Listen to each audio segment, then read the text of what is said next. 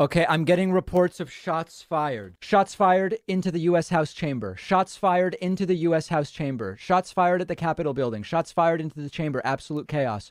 Shots fired. Where the fuck are they?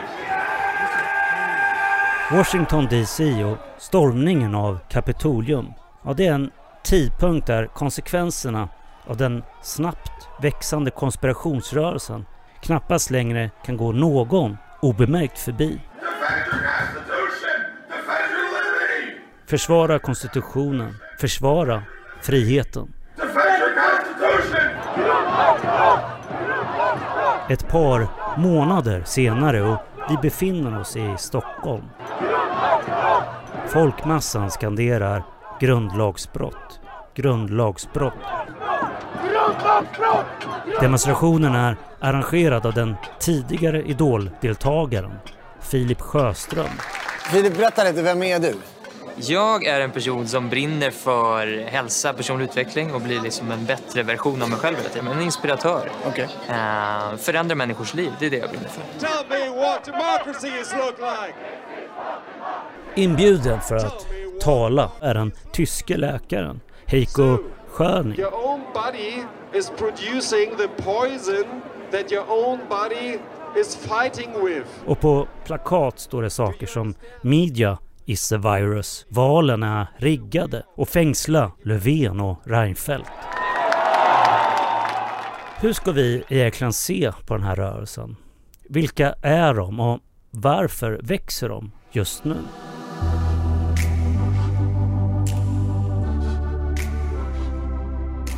Du lyssnar på Dagens ETC bakom rubrikerna. Programmet där vi intervjuar journalisterna bakom våra mest intressanta artiklar.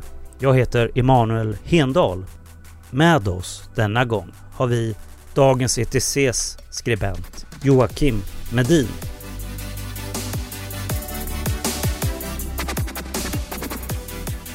Innan vi går in på de svenska demonstrationerna så börjar vi med stormningen av Kapitolium. I samband med den så intervjuade Joakim Medin den världsberömda journalisten Masha Gessen. Vi talade om den här eh, både radikala och konspiratoriska miljön som, som låg bakom den här stora folkmassan, eller som ut, ut, utgjorde stora delar av den, och som då låg bakom stormningen och vad det här betydde i en amerikansk kontext, men kanske också internationellt sett. Och hur såg hon på det, på den här, eller hur ser hon på den här rörelsen då, i USA? Ja, hon talade ju om ett, ett försök till eh, en statskupp helt enkelt. Um, om att den här ehm, eh, rörelsen ute på gatorna som, som ju eh, hade så betydande liksom, konspiratoriska och, och ganska extrema element i sig många gånger. Um, och att det här skulle kunna skapa uh, långsiktiga eh, sår liksom, i det amerikanska samhället. Och sen så har du skrivit två artiklar om den svenska rörelsen? De eh, har, ju, har ju i stor utsträckning präglats av, av också liksom konspiratoriska, väldigt etablissemangskritiska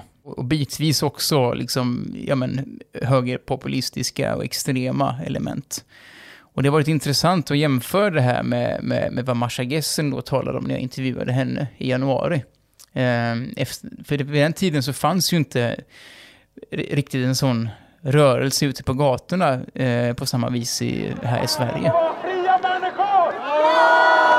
Lite, lite så här uh, lagom anonym. Spelar du in nu? Mannen som pratar gömmer sitt ansikte bakom en svensk flagga. Ja, jag tänkte jag kör lite lagom anonymt sådär. Anonymous style.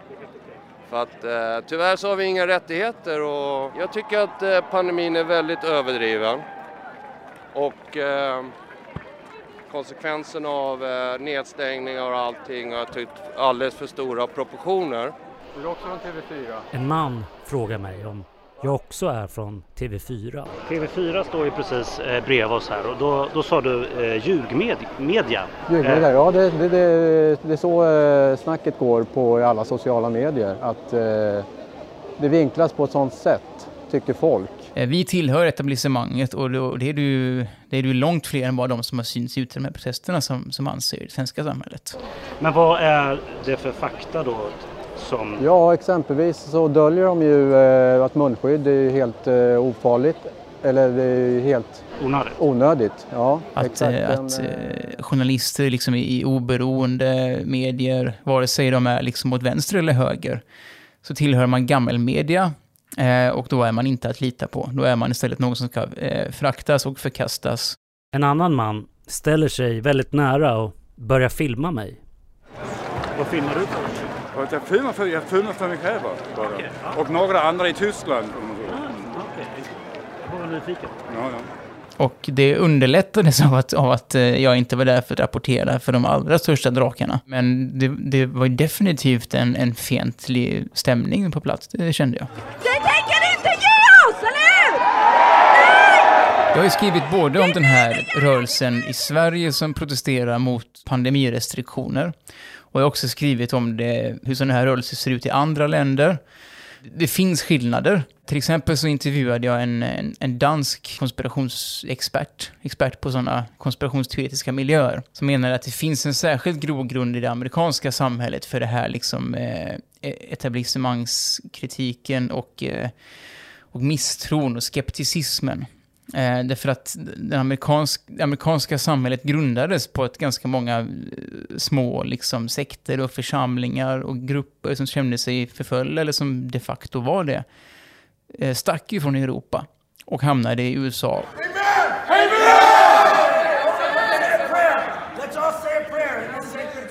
Du hör den så kallade Qanon-shamanen.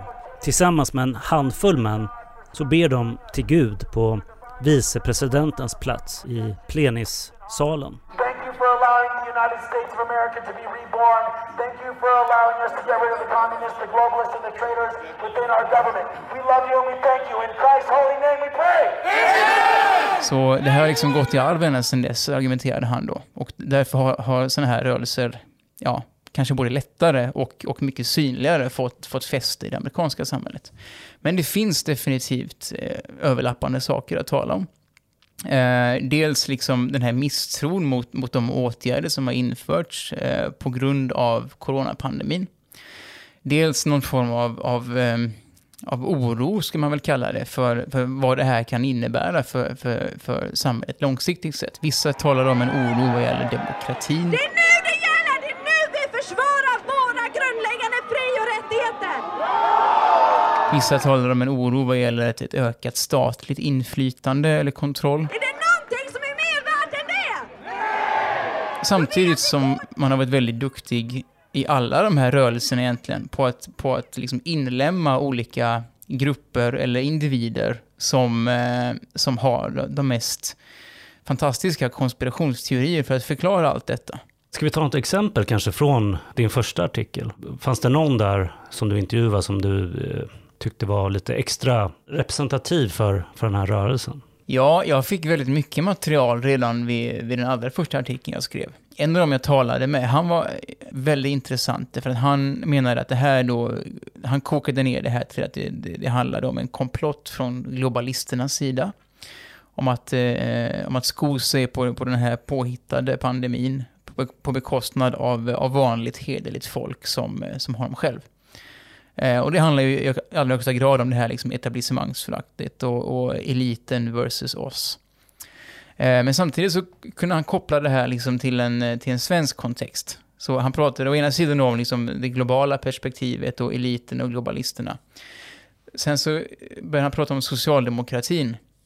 Och att sam, samma liksom elit kan vi se här som, som bara skor sig och, och sådär. Och det kan vi se det för att Göran Persson har fått ett, eh, har fått ett toppjobb inom, inom bankväsendet. Och, och han kan ju inte bankaffärer. Och det fick han bara för att han är gammal socialdemokratisk ledare och för detta statsminister.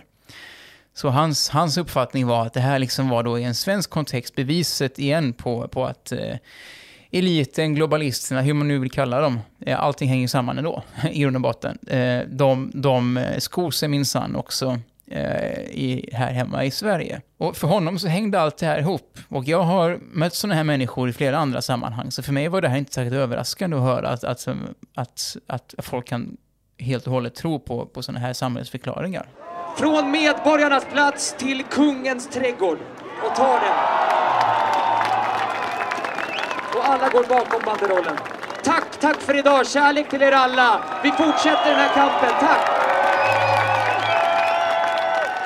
Det är ju nästan en smältdegel av människor från allt ifrån extremhögern till extremvänstern. Eh, Jag tror till och med vi såg några så här Hare Krishna-människor som dansar där och sådär. Det är Hare Krishna som har anslutits. Det var ju oväntat. Eller kanske inte. Det är väl ett väldigt bra ordval för det, smältdegel. För, för eh, det är ganska många och, och olika grupperingar som samlar sig. Eh, såväl i USA som i Sverige som eh, i, i andra europeiska länder. Det är demonstranter som har anslutit och spelar på eh, kastrull. Det är svårt att se att de skulle ha, ha någonting att prata om när det inte är en pandemi. Eh, men, men de har liksom funnit en gemensam plattform i just det som sker nu. Joakim Edin har skrivit en artikel som kommer ut samma dag som den här podden. Till dagens artikel har han intervjuat Andreas Örnefors och han är professor i idé och lärdomshistoria. Hej, hej, har du tid? Jajamän, nu går det bra. Ja. Andreas har studerat olika konspirationsteoretiska miljöer. Det vi, vi, vi forskare säger det är ju det att det som kännetecknar rörelsen det är att, att den är, är bred, att den samlar tvärs över det politiska spektrumet. Om Mm. vi tänker oss tidigare protester som har varit konspiratoriskt färgade som till exempel eh, ja, men säg finanskrisen då eller, eller G20, G8-möten och sådana här saker. Mm. Där har man ju kunnat se att de som tog emot globalister på sådana tillställningar, det, det är folk ur så att säga vänsterspektrumet och så. Mm. Eh, och medan vid flyktingkrisen så var det framförallt högermänniskor som spridde högerinriktade konspirationsteorier kring det stora folkutbytet och sådana här saker. Mm. Men det som är det förvånande eller intressanta för oss som är politiska analytiker, det är ju det att, att, eh, att den här rörelsen eh, skär tvärs igenom eh, höger-vänster-skalan eller den här nya GALTAN-skalan. Mm. Och att det dessutom finns till synes rationella människor som snabbt blir eh, indragna i den här miljön. Alltså jag har ju fått flera mejl från folk som är utbildade ingenjörer och före detta kommun- kommunpolitiker och allt möjligt sånt som, som verkligen vill övertyga mig om att eh, det här är jättefarligt, men de här tiden vi lever och, och den diktaturen kommer när som helst. Alltså. Mm. Eh, och så både vad det gäller, vad ska man ska säga, eh, politiska, politisk, eh, politiska sympatier och eh, utbildningsnivå så tycks ju antikorona konspirationsteorierna attrahera en, en blandad kompott av folk. Och det var alltså Andreas Örnefors som är professor i idé och lärdomshistoria.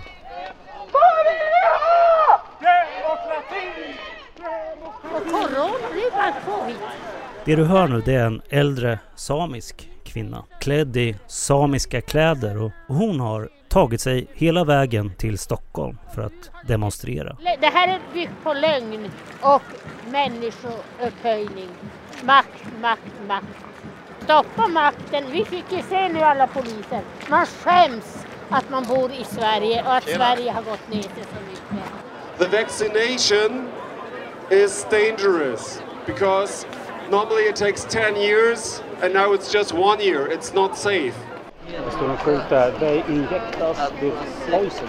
Precis, det är en av åsikterna som finns här att det är giftinjektioner vi får istället för vaccin.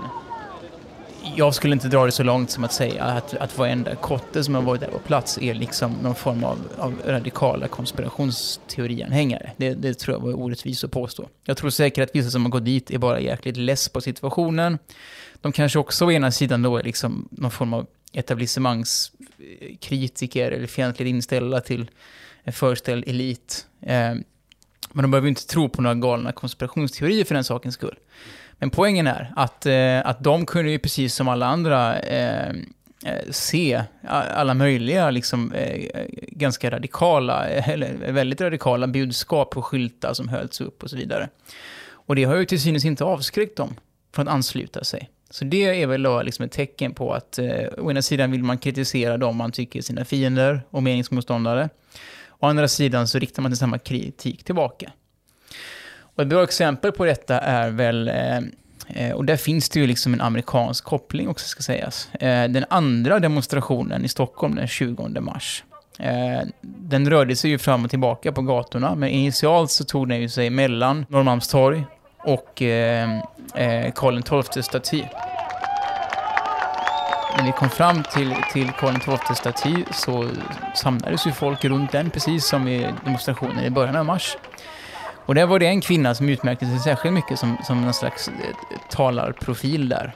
Eh, hon klättrade upp på statyn och, eh, och höll ett, ett brandtal där hon eh, förklarade att hon hade identifierat hur, hur Södertälje kommun styrdes av eh, en, eh, en pedofilsekt som ägnade sig med människohandel eh, med, med småbarn. Och hon, hon, hade gjort då liksom en mängd försök att avslöja detta och hade liksom blivit, blivit tystad och förskjuten varje gång och försökte liksom elda upp massorna för att få dem med sig. Och jag kollade på folk och några såg ju väldigt förvirrade ut. Och hur är det här kopplat till, till pandemin och att man inte kan gå på bio som förr i tiden. Men likväl så klappade folk händerna sen när hon liksom pratade om att ja, vi måste göra motstånd och så vidare. Eh, och det här är ju en direkt, liksom, eh, här har vi en direkt koppling till, till Qanon-konspirationsteorin om, eh, om en, en satanisk pedofilsekt som styr samhället och de också utgör samhällseliten. Och hennes, i hennes värld så var det på det här viset Södertälje kommun styrdes. Vad ska man säga, liksom an, andra funtade människor eh, inte gick därifrån när de hörde detta, utan kunde liksom stå kvar och kanske klappa händer och sen fortsätta gå med det här tåget runt om i Stockholm. Det, får ju, det, det talar lite för sig själv liksom.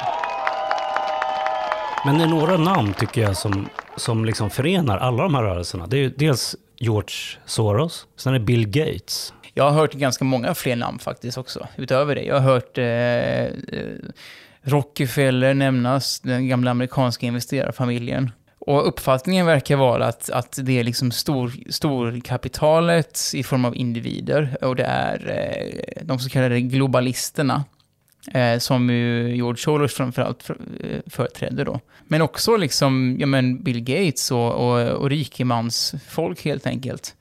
De är till synes bakom det som sker nu. Det är eliten som vill sko sig på det som händer. Det är eliten som, som har eh, som har på något vis påverkat nationella regeringar och myndigheter till att införa olika restriktioner under pandemin.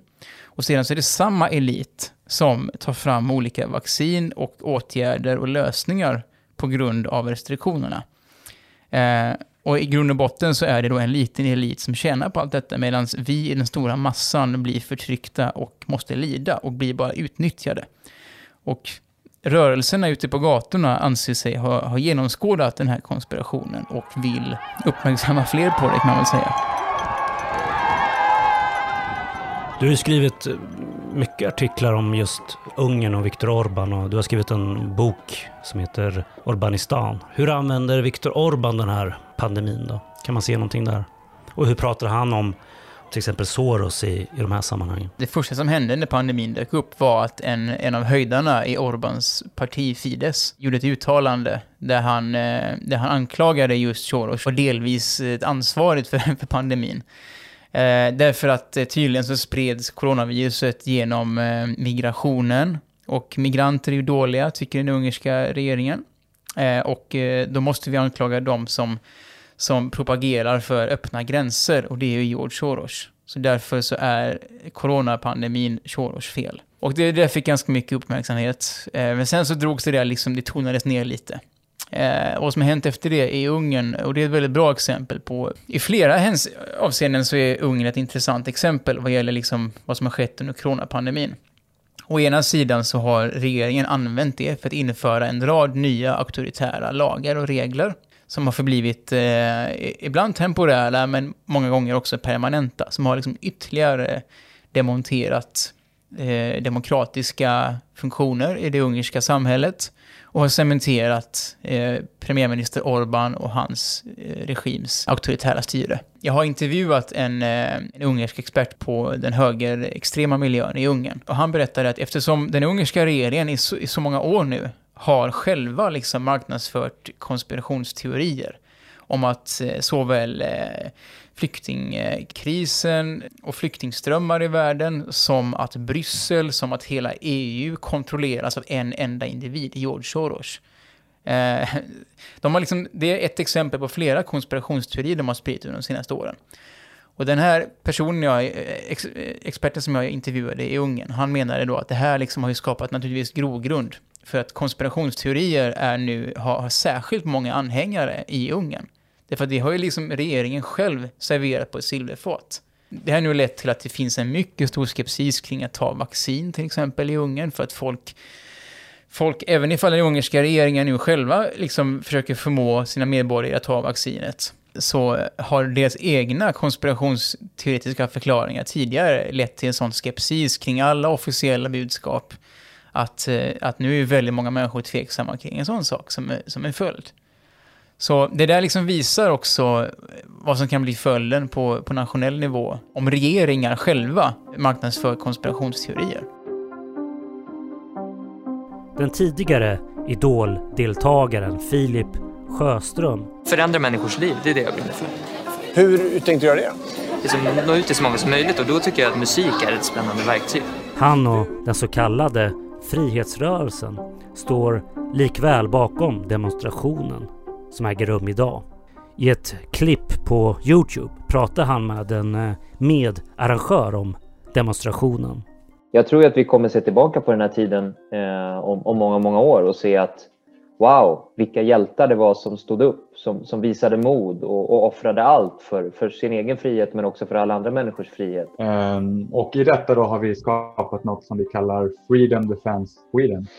Exakt, så på lördag är det premiär för Freedom Defense Sweden i, i action där de kommer att vara protectors och uh, providers of freedom and truth på, på den här sammankomsten nu. Så mm. då kommer det finnas uh, beklädda män med en sån där t-shirt som du har på dig. På t-shirten står det Freedom Defense Sweden tillsammans med två knutna nävar. Om vi ska gå mot en fri värld och, och skapa förutsättningar för människor att vara fria då kommer det finnas krafter som, som vill förstöra och vill inskränka friheten. Och då behöver vi försvara friheten. Och det är där Freedom Defence Sweden kommer ifrån. Och vi, så det är liksom försvara friheten i den fysiska världen och då kommer det behöva starka män. Exakt vilken funktion den här skyddande manstyrkan kommer att ha, ja det får kanske framtiden utvisa. Det här var allt för den här gången av Dagens ETC bakom rubrikerna. Om du vill läsa alla de här artiklarna, ja då är det dags att bli prenumerant. Och det kostar 39 kronor per vecka och du slutar enkelt när du vill. Och då säger jag bara på återhörande.